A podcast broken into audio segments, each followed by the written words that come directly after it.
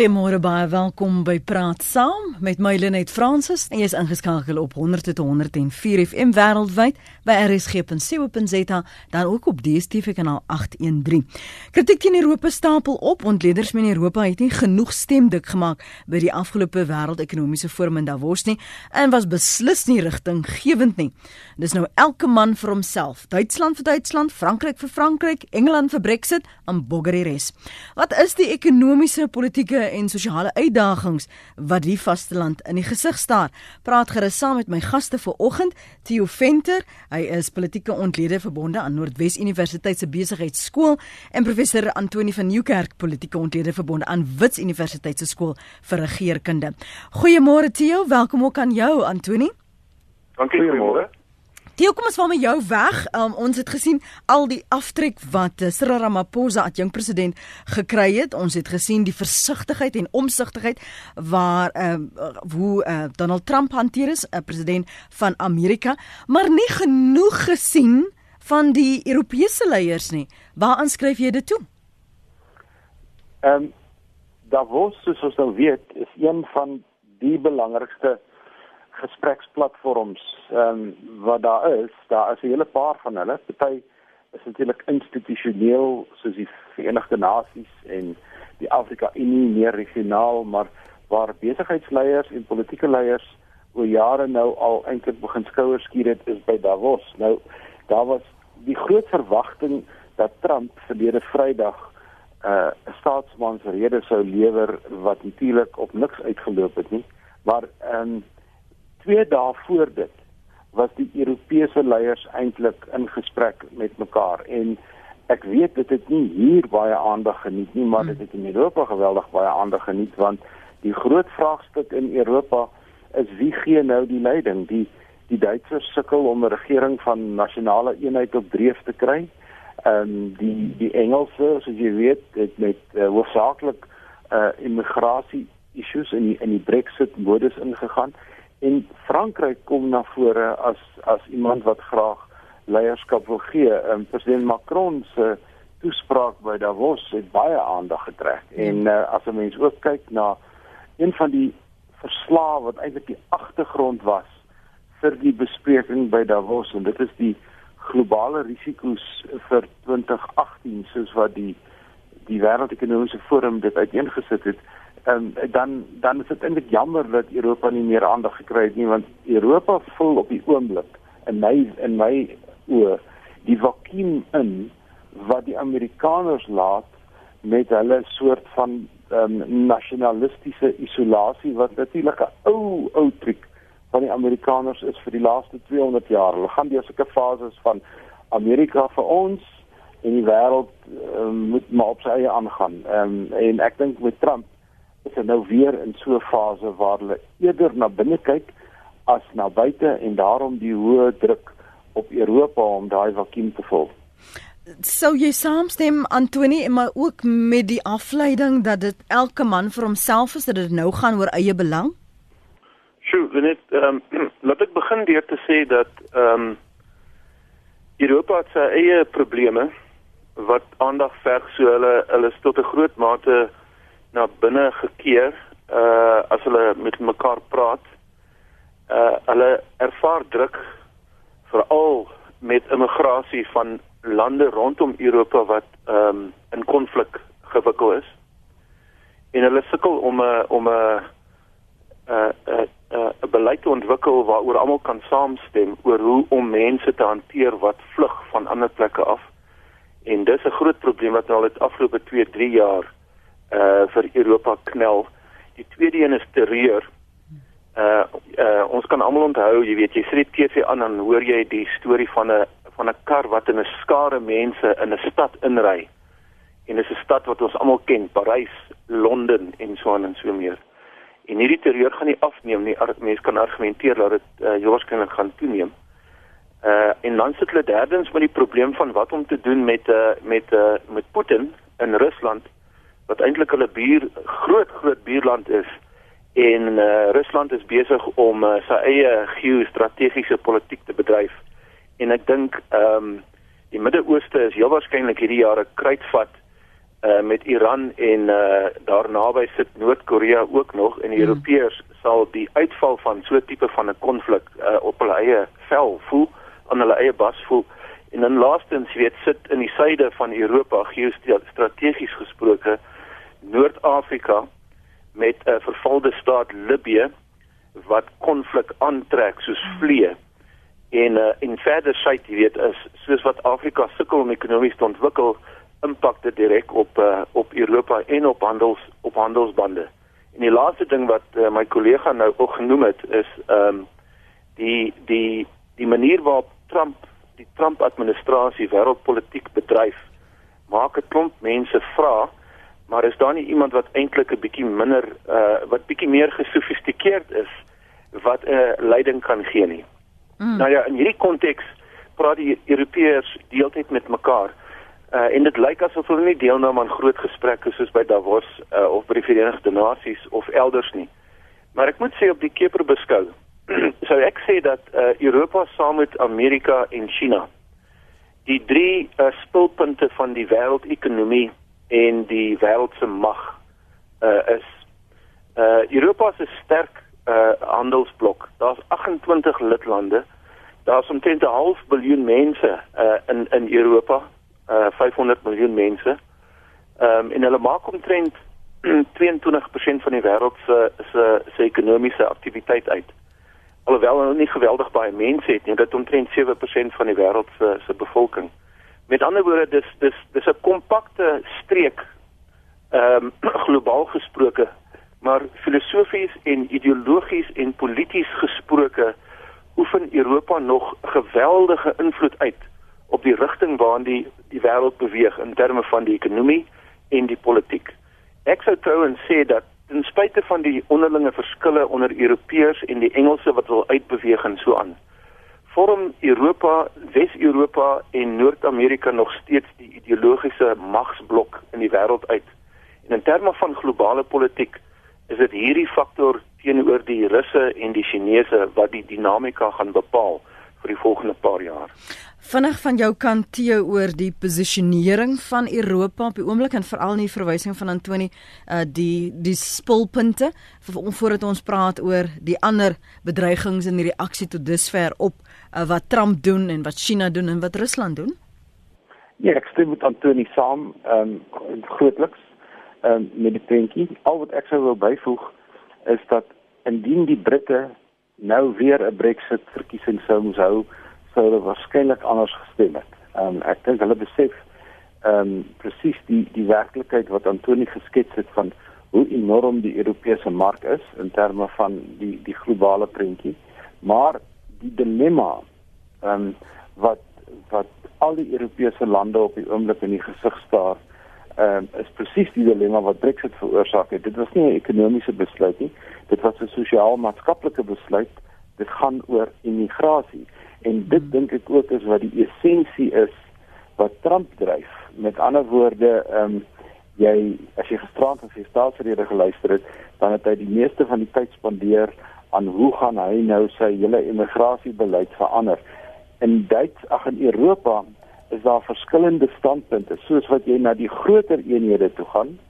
In Frankryk, Duitsland, miskien Italië, is daar is daar groter buigsaamheid, maar soos jy na die kleiner eenhede toe gaan, die nuwe Europese lande, is daar 'n baie baie groter vyandigheid teenoor migrasie en dit is nou maar een van daardie groot golwe dink ek wat ons van tyd tot tyd gesien het onder mense en dit is veral vanweë die ehm um, die on die politieke onstabiliteit in die Midde-Ooste, Sirië, hmm. Turkye, Libië wat Antoni genoem het, waar mense vlug en waar hulle deurgange kry na Europa toe en die Europeërs sit eintlik met lande in hare want as jy kyk na die Europese bevolking dan is dit 'n sywaartse beweging en sekere lande 'n dalende demografiese tendens. Met ander woorde, daar's nie nuwe mense wat in die mark inkom wat opgelei kan word as swaisers of kom ons noem dit maar eenvoudige soort van mense nie. En dis eintlik die vakuum wat die immigrante vul.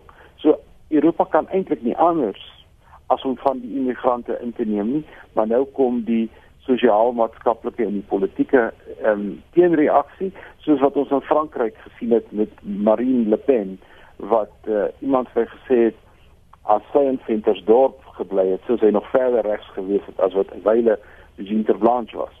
Kom ons praat oor die strategie. Waar bevind as jy nou vergelyk met met met Emmanuel Macron en en hy hy in daar in Frankryk. Ons kyk na ehm um, Donald Trump in Amerika.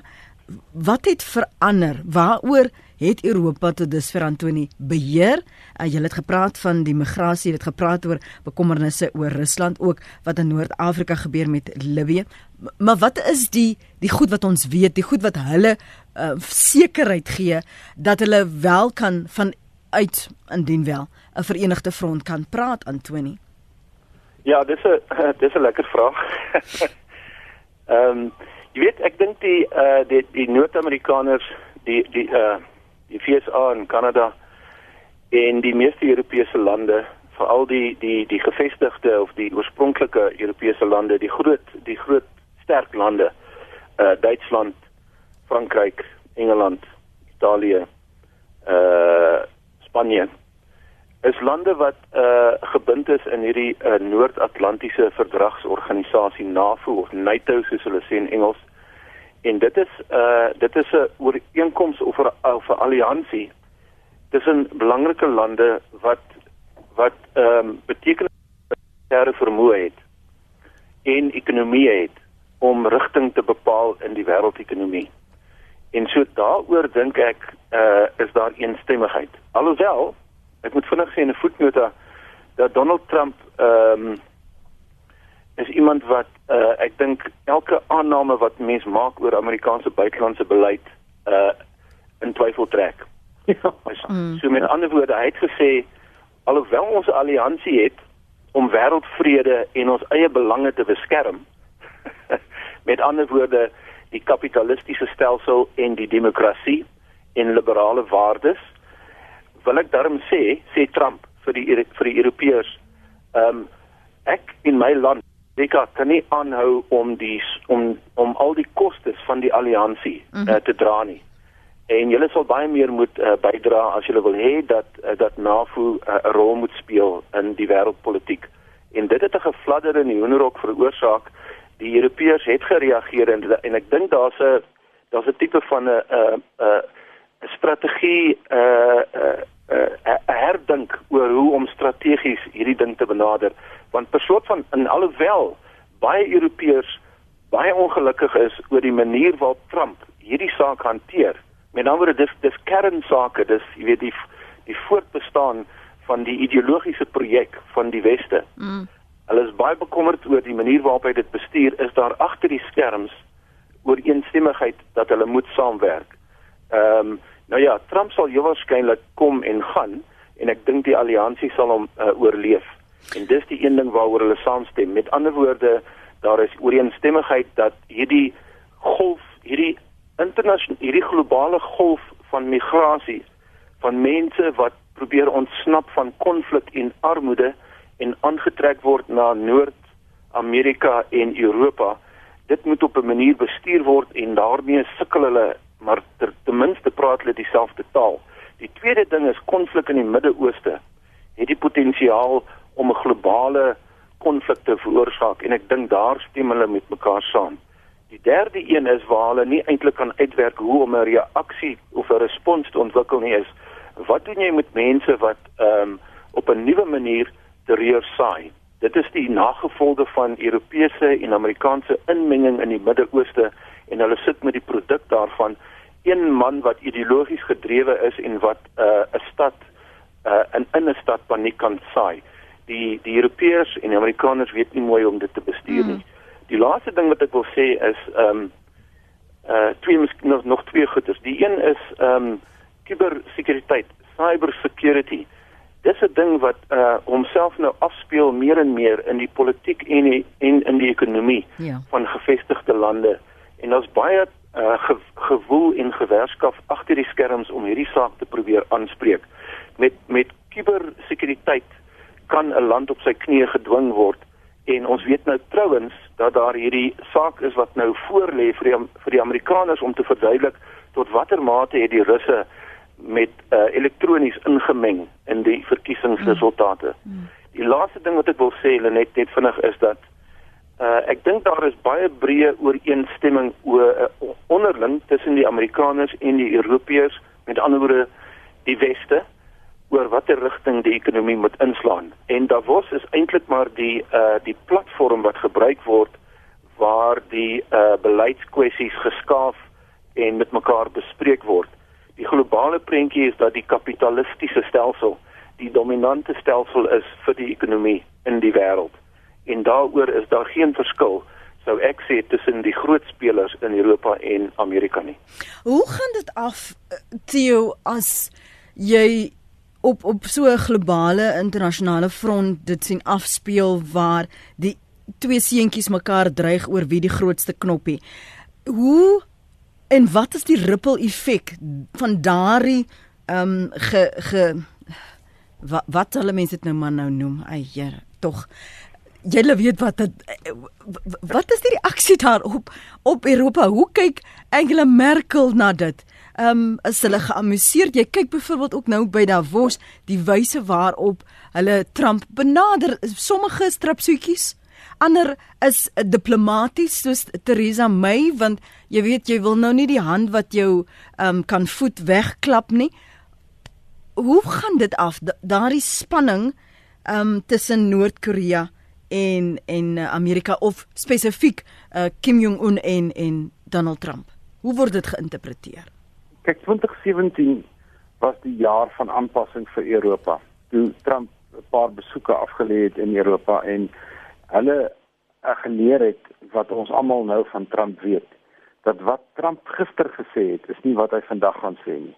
So die Trump van gister is nie voorspelbaar in terme van die Trump van vandag of môre nie. So jy moet as jy met Trump wil saamwerk, dan moet jy ligvoetig wees in terme van die diplomatie en jy moet dit vellig raak omdat uh, ek dink Antonie het vroeër die woord gebruik 'n ongesofistikeerde buitelandse beleid. Dit is dit is 'n kenmerk van Trump. So daar is 'n daar is 'n sterk metaforiese um, deel van sy praat en dan is daar 'n 'n baie sterk soort van dreigende deel.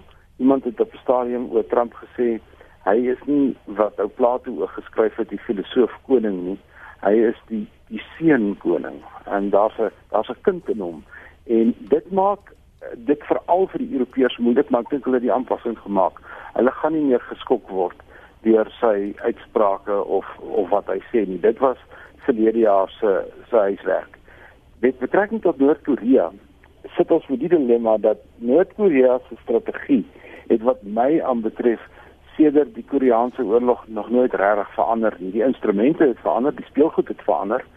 Uh die knoppies soos wat jy van praat, ehm um, het verander. Maar Korea, Noord-Korea veral speel 'n uh, soort mispunt politiek met die diplomatieke wêreld.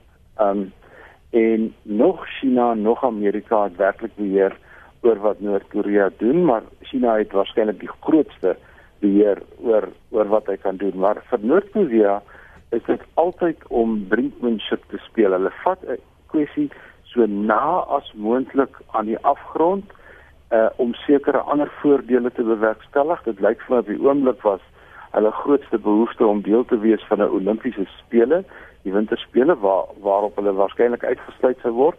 Nou is hulle in. Daar is gesprekke tussen Noord en Suid-Korea. Ek dink dit is 'n dis 'n groot um, deel van van hulle dilemma, maar wat die wêreld nie op voorberei was nie, was dat as jy hierdie soort van mespunt diplomatie bedryf wat Noord-Korea bedryf en skielik sit jy in die Withuis wat gewoonlik kalmte gebring het in hierdie veld tog kry jy ook 'n irrasionele speler of so lyk dit. Nou sit jy met twee irrasionele spelers en en Antonie wat baie sterk fokus op die strategies militêre komponent hiervan sal vir jou kan sê dat skielik se mense met hulle hande in hulle hare want die voorspelbaarheid mm -hmm. van wat hier gebeur, naamlik dat um, internasionale akteurs redelik rasioneel optree, skielik weg en dit hierdie onsekerheid en en resulteer in geldeenhede en dit reflekteer in gesprekke en dit reflekteer op baie ander forums. Maar ek dink Europa het dit nou geleer en die volgende les en dis waarskynlik die les vir 2018 is die Russiese uitdaging wat al groter word en ek dink ehm um, op 'n subtiele manier al hoe meer druk uitoefen. Hy was nog altyd so onder Putin, maar dit gaan waarskynlik meer so word. So Antoni, ons weet daar ontwikkelende lande het 'n lang geskiedenis uh, met Europa. Sommige sal sê te lank in die sin van bakkan staan, maar nou is daar 'n geneigtheid om meer na China te vry. Hoe hanteer Europa tans hierdie China faktor?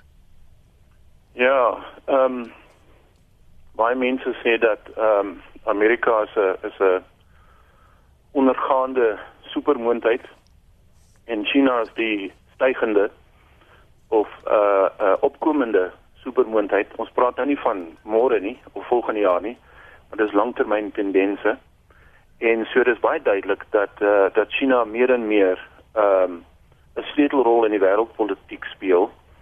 En dis nou dit moet in in terme van my vorige ehm um, ontleding as mens uh sou aanvaar dat Noord-Amerika en Europa en China die spulpunte van die hmm. magspolitiek is, dan is Europa se reaksie op China natuurlik belangrik.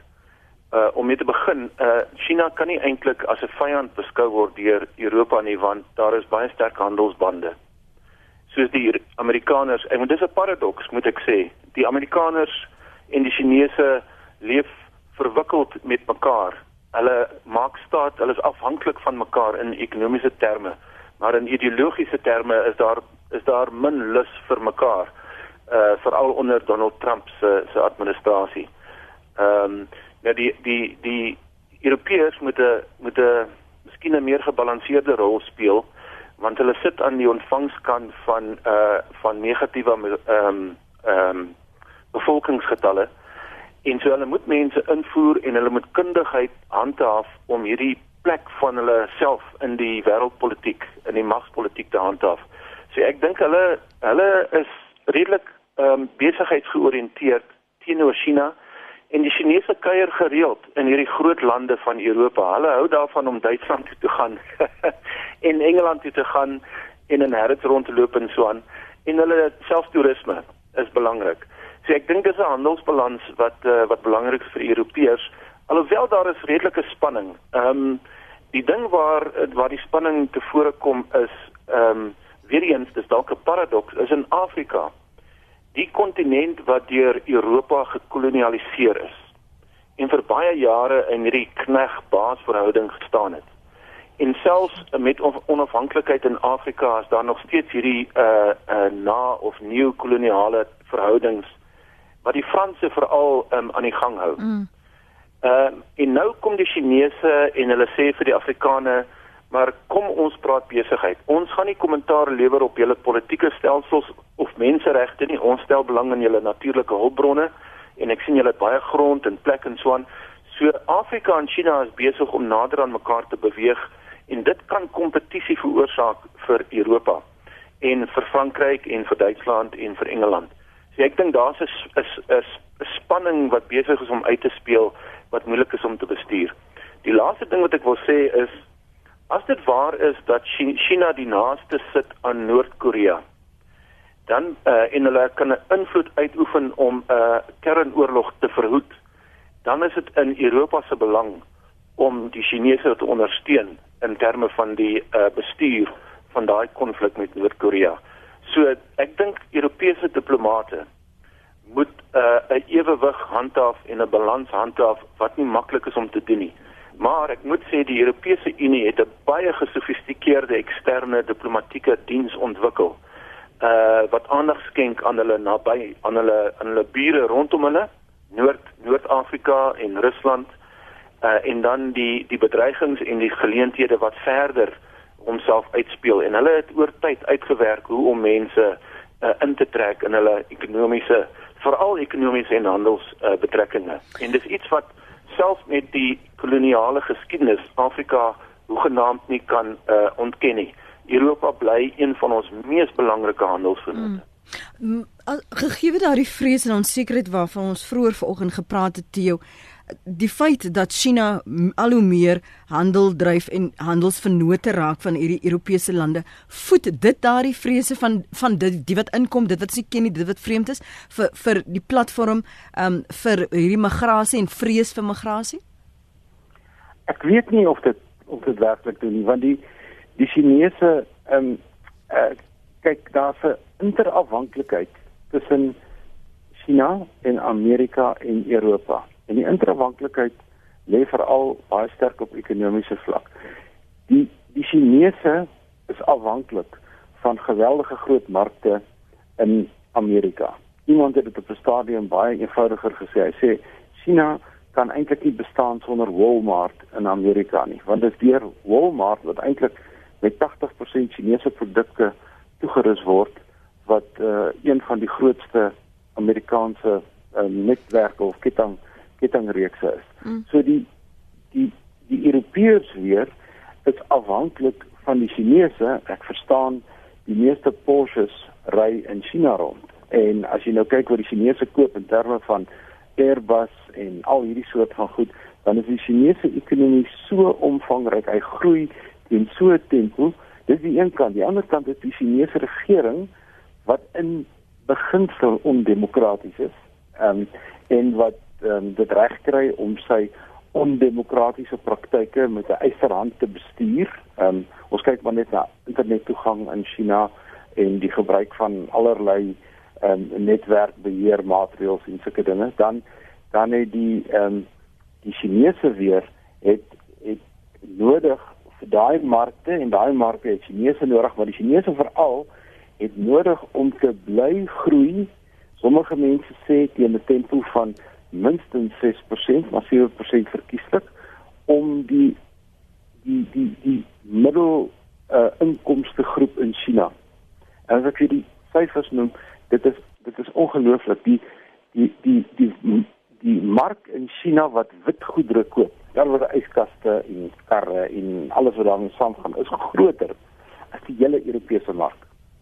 Hmm. En en hulle moet hierdie mark bly voed om hulle politieke model te bly funksioneer. So dis nie asof die een 'n baie groter voordeel bo die ander een het nie. Hier is 'n intrawanklikheid en Trump het die ontwrigtende faktor gebring wat asof hy soms onsensitief omgaan met hierdie goeders en Antonie is ook wel reg. Europa het oor baie jare 'n baie fyn diplomatieke um, aanvoeling ontwikkel en ek dink hulle hanteer die faktore en die goeders met baie groter finesse as wat die Amerikaners hmm. op die oomblik doen. Maar hoe kom jy verby die want want dit is op op 'n handelsvlak waar ons weet ons die een hand het die ander een nodig. Maar as dit afwentel na ehm um, Franse byvoorbeeld of Duitsers en ons herinner onsself aan die spanning wat ons gesien het oor in, in Frankryk byvoorbeeld oor met moslems en, en wie is dan nou Frans? Ehm um, jy weet daai daai kultuur van dit is wat ons is en dis hoe ons dit verwoord. En nou kom China met wat soos Antoni sê die ideologie hulle uh, uh, is in terme daarvan net nie lus vir mekaar nie. Hoe hoe posisioneer jy en hoe beveilig jy jou kultuur, jou waardes, dit waarvoor die Franse staan en dit wat gekenmerk word aan Duitsland byvoorbeeld. Dalk wil jy ook sommer hier inkom Antoni. Ja, wel die die syfers ehm um, wat ek nou die dag gesien het is nogal interessant. Ehm um, oor die laaste 10 jaar het die persentasie ehm um, immigrante in Duitsland en in Frankryk en Italië het van so 7% per jaar gegroei na tussen 12 en 15% per jaar. En skielik veroorsaak daai enorme um, verandering in die samestelling van jou populasie veroorsaak sosiale druk. Daai sosiale druk kry jy hoofsaaklik op die onderste geleedinge van die samelewing, want dis waar daar kompetisie is vir wat daar ook al beskikbaar is, bronne, ehm um, huise, geld, werk, maak nie saak watter bron nie. En dit is waarop die regering reageer en dit is waarop Engeland heel eerste um uh, uh probleme ontwikkel het. Ons weet daar was groot druk in Nederland, die Nederlanders het dit oorkom. Daar was groot druk in Frankryk, hulle het dit oorkom. Die Duitsers probeer dit bestuur, die Oostenrykers probeer eintlik probeer almal dit bestuur, want dit is wanneer daai druk te groot word onder waar jy polities daarop moet begin reageer. Antonie Ja, Lenet, ek dink kom ons los die Chinese vir 'n rukkie uit. Asseblief. want want uh jy jy sit jou vinger op 'n uh, op 'n uh, op 'n rou senuwee. Dis een van die dinge wat die Europese integrasieprojek moeilik vind om te bestuur. Uh uh die Europese Unie is al reeds 'n bietjie op die agtervoet want ehm um, jy weet na die val van die Sowjetunie in 1989 of 1990 het omtrent al die voormalige Sowjet satellietstate naby aan Europa uh belang gestel om aan te sluit by die Europese Unie en ek dink in 2004 het omtrent 10 van hulle aangesluit na 'n lang onderhandelingsproses.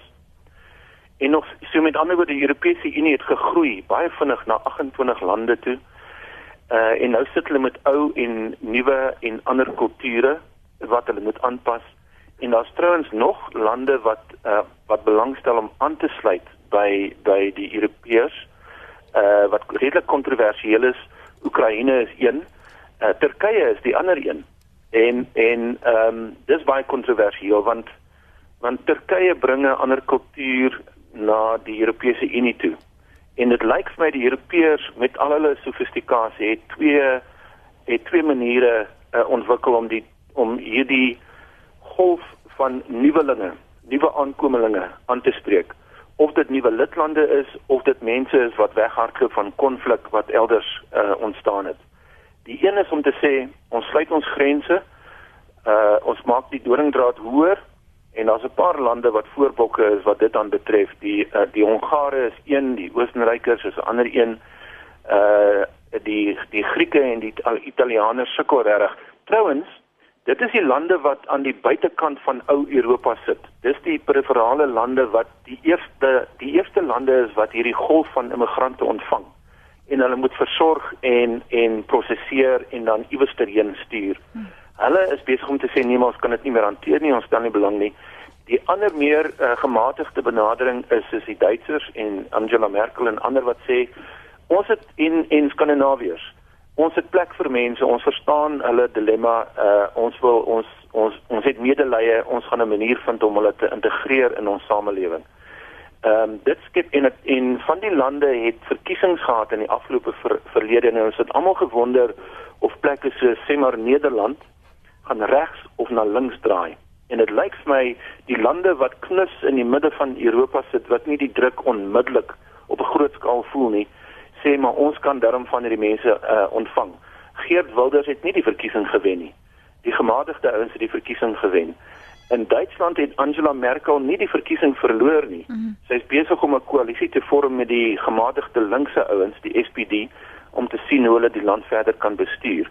So daar's twee reaksies en die twee bots met mekaar. Ek bedoel ons moet dalk ehm um, oop en eerlik sê dat die identiteitspolitiek van Europa is op die mespunt. Dis dit ja ja. Praat nou 'n bietjie verder daaroor want ek wil nou hoe kan as ons nou kyk die reaksie uh, destyds toe toe Trump um, verkies is en verlede jaar met met die aankondiging van Brexit ook en die impak wat dit gaan hê en en hoe almal eintlik onkant gevang is want so 'n proses is nog nooit bestuur nie en nou probeer almal na vore kom om hulle claim af te steek. So kom ons praat 'n bietjie oor oor die leierskapsfigure en en wat en die boodskap is van elkeen. Um hier by Davos die afgelope verlede week is dit Macron wat hand opgesteek het en gesê het maar neem kennis van my. Ek kan ons deur hierdie ehm um, modder van Europese onsekerheid die kan ek, ek kan dit doen. Ek kan ons lei. Kom ons praat oor die reaksie op hoe dinge vinnig ver, uh, verander uh, Theo. Veral met regs of links of tussenin. Kyk um, Macron is besig om 'n baie baie dominante en 'n en 'n prominente leiersfiguur. Hy's jonk, hy's dinamies, um, hy bring iets nuuts na die tafel toe. En en ek wil dit ek wil dit kontrasteer hoekom hy op die oomblik so goed doen um, met um, Theresa May wat permanent onder druk is in in Groot-Brittanje. Sy sy het 'n sy het 'n gekweste party geërf. Um, iemand het op 'n stadium gesê met Brexit wou ehm um, die Britte 'n soort van 'n 'n near death experience vir die Europese Unie gee sodat hulle kan beding vir 'n beter bedeling en toe wen hulle die ehm um, referendum wat hulle waarskynlik nie gedink dit sou gebeur nie. So sy is op die agtervoet. Ehm um, Antoni het gepraat oor Duitsland. Uh, Angela Merkel sukkel om 'n uh, 'n uh, uh, omvangryke um, koalisie regering saam te stel. En hier sit jy met meneer Macron, onthou die Franse president word verkies vir 'n 7 jaar termyn en en sy verkiesing is soos die Amerikaanse president. Hy het 'n mandaat van die mense. Hy word nie deur 'n party sê nou maar in 'n parlement verkies soos ons president of soos 'n paar ander voorbeelde nie. Hy het 'n direkte mandaat, 'n 7 jaar mandaat. So hy het 'n hy het 'n hy het 'n ver gesig oor wat hy vir Europa kan doen en wat hy gebring het en wat die mense hom um, baie groot steun voorgegee het is om 'n meer um, om te hou by die um, globaliserende ons moet beperkende globalisering. Um, ons moet steeds in hierdie globale wêreld speel met al die uitdagings. Frankryk is 'n groot speler, maar daar is beperkings op die verhoudinge uh, as mens dit moet vergelyk teenoor 10 jaar gelede. En ehm um, dit is vir my net eenvoudig so dat tussen hom en Angela Merkel um, is die stryd waarskynlik oor wie wie verteenwoordig Europa nou regtig en op hierdie stadium lyk vir my is die jong man 'n kort op voor. Pier, baie dankie vir jou deelname môre. Môre Lenet. Ag, ek ek wil weer 'n bietjie klaar vanoggend want ek glo daaraan sê dit hou. Ek hoe charity begin sê. Die mense en die Europeërs, hallo? Ja, ja, Pier. Die uh, die Europeërs en die, en die Chinese, hulle koop lande en uh, hierso land uh boerderye en hulle koop myne hierso in Suid-Afrika, maar hulle bring hulle eie mense oor om die plekke te bewerk. Want hulle uh, hulle uh, onder hulle is nie onderdanig aan die Suid-Afrikaanse wette nie. As jy nou vat in Palabora, die, hulle die myn oorgeneem. Hulle sê vir die mense Chinese wat hulle invoer as hulle staak, fire hulle, hulle en dit is klaar. En dit is net Chinese wat daar werk. Die Palabora mense kan vir jou vertel dat Palabora mense kry nie werk nie. Met ander woorde, ons mense word al hoe meer werkloos. Al hoe meer werkloos want hulle bring almal net in. Hulle bring net in en daar's geen wet wat hulle keer om dit te doen nie. Dit is wat ek op neerkom. Goed, dankie Pier. En dan Koos daar op Tennyson. Môre Koos. Môre Lenet. Môre jou gaste. Net uh, die vorige persoon het so bietjie aan iets geraak in terme van China en ek wil ook verwys na Afrika, maar ek wil eintlik 'n vraag vra. Die globalisering van wêreldhandel, hierdie groot opkoms van multinasjonale maatskappye, watter impak het dit op kleiner ekonomieë? In in in, in my vraag is op mm -hmm. ons julle verwys na China wat nou besig is om uh kan 'n moontlikheid wees dat hy dan nou oor Amerika gaan verbysteek as 'n grootse moontlikheid. Uh watter uh, die het hierdie hierdie globalisering van wêreldhandel het dit 'n impak op hulle gehad? Wat wat is die situasie? Mm. baie dankie daarvoor. Ek koes ek gaan sommer vir vir Griekeland ook ingooi want dis ook van die uiterstes ons het gesien die ekonomiese uitdagings um, wat hulle gehad het. Wat is dit 3 jaar gelede al? Ek is nie seker nie. Theo kom ons praat oor oor hoe die afwenteling en die impak van uh, multinasjonale maatskappye globalisering um, selfs binne uh, die uh, Europese lande hoe dit uitvloei en Afrika, Suid-Afrika, Griekeland ander raak? Kyk daar is daar is wêreldwyd 'n um, 'n baie negatiewe um, persepsie oor globalisering, maar ek wil dit omdraai. Ek was nou die dag in Tansanië en as jy in Tansanië is, dan kan jy Coke koop ek gaan nou die handelsname noem want dit is wat globalisering is. Jy kan Toyota's ry. Jy kan al die handelsname wat wêreldwyd deel is van hierdie jy kan 'n iPhone gebruik, dis Apple. Hmm. So daar is 'n voordeel aan globalisering wat mense moet miskyk nie.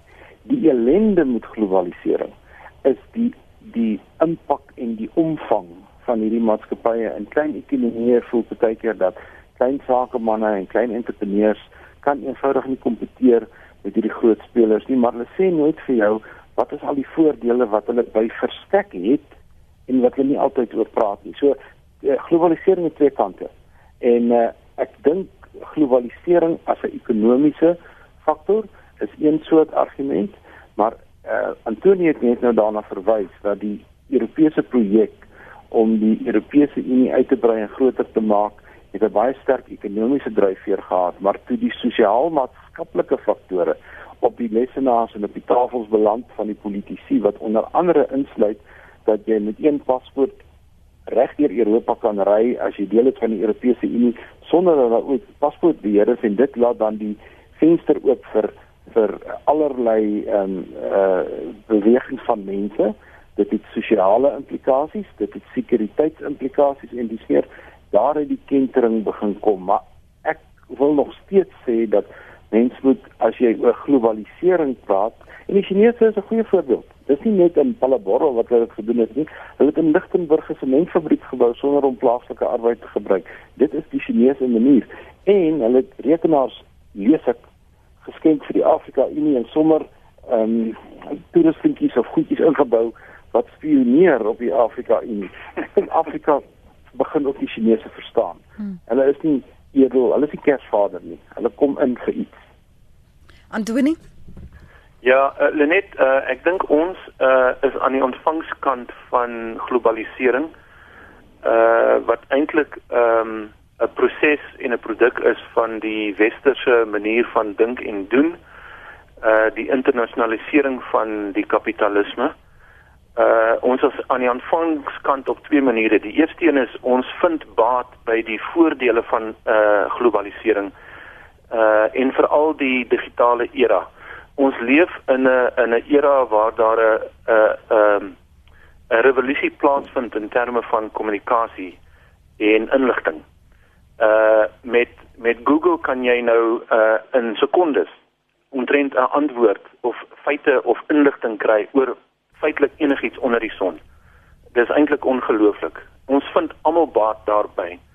Uh ons is in die tweede instansie aan die ontvangskant in 'n op 'n negatiewe manier en dit is dat ehm um, wêreldmagte, ekonomiese kragte ehm um, uh ryk uit en neem gewoon kleiner ekonomieë oor en verswelg hulle as ware en sien lande as markte waar produkte bemark kan word sonder om die plaaslike omstandighede of indiensnemings uh dinamika in ag te neem. En ek sou sê, so dis waar, die Chinese doen hierdie goeders waarvan ons luisteraars praat, uh oral oor Afrika. Trouwens in Angola het hulle omtrent die land se infrastruktuur herbou met Chinese werkers, nie Angolese nie. Angol Angolese burgers bly nog van die armste op die kontinent. Ek dink dit is die verantwoordelikheid van verkose regerings om die reëls te maak met uh buitelandse beleggers en instansies soos die Chinese of die Europeërs of die Amerikaners om 'n om 'n om 'n ooreenkoms te beding wat 'n beskerming bied vir die werkers in die land self. En as die verkose regering nie in staat is daartoe nie, dan moet ons 'n ander regering kies. Maar ek moet vir jou sê dat dit dalk die moeilikste ding is onder die son om te doen want in ons eie geval, dink aan Suid-Afrika, ons minister van handel en nywerheid is Rob Davies wat 'n kommunis is. Hmm. Reg? En die Chinese het het het met ons 'n ooreenkoms aangegaan om handelsbande te verstewig en voor ons ons oë uitvee het al die tekstielwerkers in die Weskaap hulle werk verloor. So selfs Rob Davies wat ideologies uh vriendelik is by die Chinese ja. kon dit nie regkry nie. Uh met ander woorde, ons het geweldige aanpassings wat ons moet maak in terme van uh aan die ontvangskant van van globalisering en ek weet nie aldag of ons wenners is in Afrika nie. Ons sit met natuurlike hulpbronne wat aantreklik is vir hierdie wêreld uh, dryfkragte en dis hoekom ons daarom nog 'n bestaan kan maak. Maar as ons nie 'n manier vind om ons uh ons eie ekonomie ekonomie te diversifiseer nie, met ander woorde, ons moet produseer en nie net verkoop nie, dan gaan ons in die toekoms regtig sukkel. Uh, en dis nie uh, vergesog om te dink dat soos wat uh, 100 of 200, 300 jaar gelede Afrika gekolonialiseer was deur die Europeërs nie, dat ons 'n fase kan inbeweeg waar die Chinese dieselfde met ons gaan doen. Hmm. Ek lees gou vir julle ter afsluiting net so 3 of 4 van ons uh, luisteraars se reaksie. Um Johannes sê dit is duidelik dat alles om geld draai. Derhalwe is Trump se benadering korrek deur eerstens na sy burgers te kyk met sy benadering van Amerika eerste, sê Petrus Johannes. Um dan sê Charles op Ficksburg, "Wow, Lenet, I'm so so impressed with your panel. Awesome study. Thanks guys." Nog een sê Die uiteindelike resultaat van globalisering is despotisme, ekskuus, onder 'n een wêreldleier. Dit is die doelwit op skrif van diegene daar agter. En dan uh, skryf Estel en ek het gedink ek moet dit insluit vir die twee here Estel. Dankie daarvoor. Ehm um, waar is dit? Macron sê sy, die jonger man het die voordeel dat hy die wysheid van het van sy ouer vrou. Trump, die ouer man, sit met die uh probleem of wysheid um van 'n jonger vrou. Die slegste scenario is Merkel wat ouer is en 'n ouer man ook het. Ai, ai. Sê. Ai ai ai. Ek dog ons moet net na al die diep gesprek. Dankie vir daardie oomblik van wysheid Estel. Dankie vir julle tyd vanoggend hier op Praat saam Antoni en Tio. Ons het baie lekker geluister en ons gaan beslis verder lees en ander ontledings ook onder oë kry. Lekker dag vir julle. Dit Dankie. Dit was ons gaste, professor Antoni van die Kerk, is politieke ontleder verbonde aan Wits Universiteit se skool vir regeringskunde en Theo Venter is 'n politieke ontleder verbonde aan Noordwes Universiteit se besigheidskool. En dankie vir julle saamgesels vanoggend hier op Praat Saam. Bly om te kan sien ons kan nog ons humor sin, né? Die kan ons nog behou.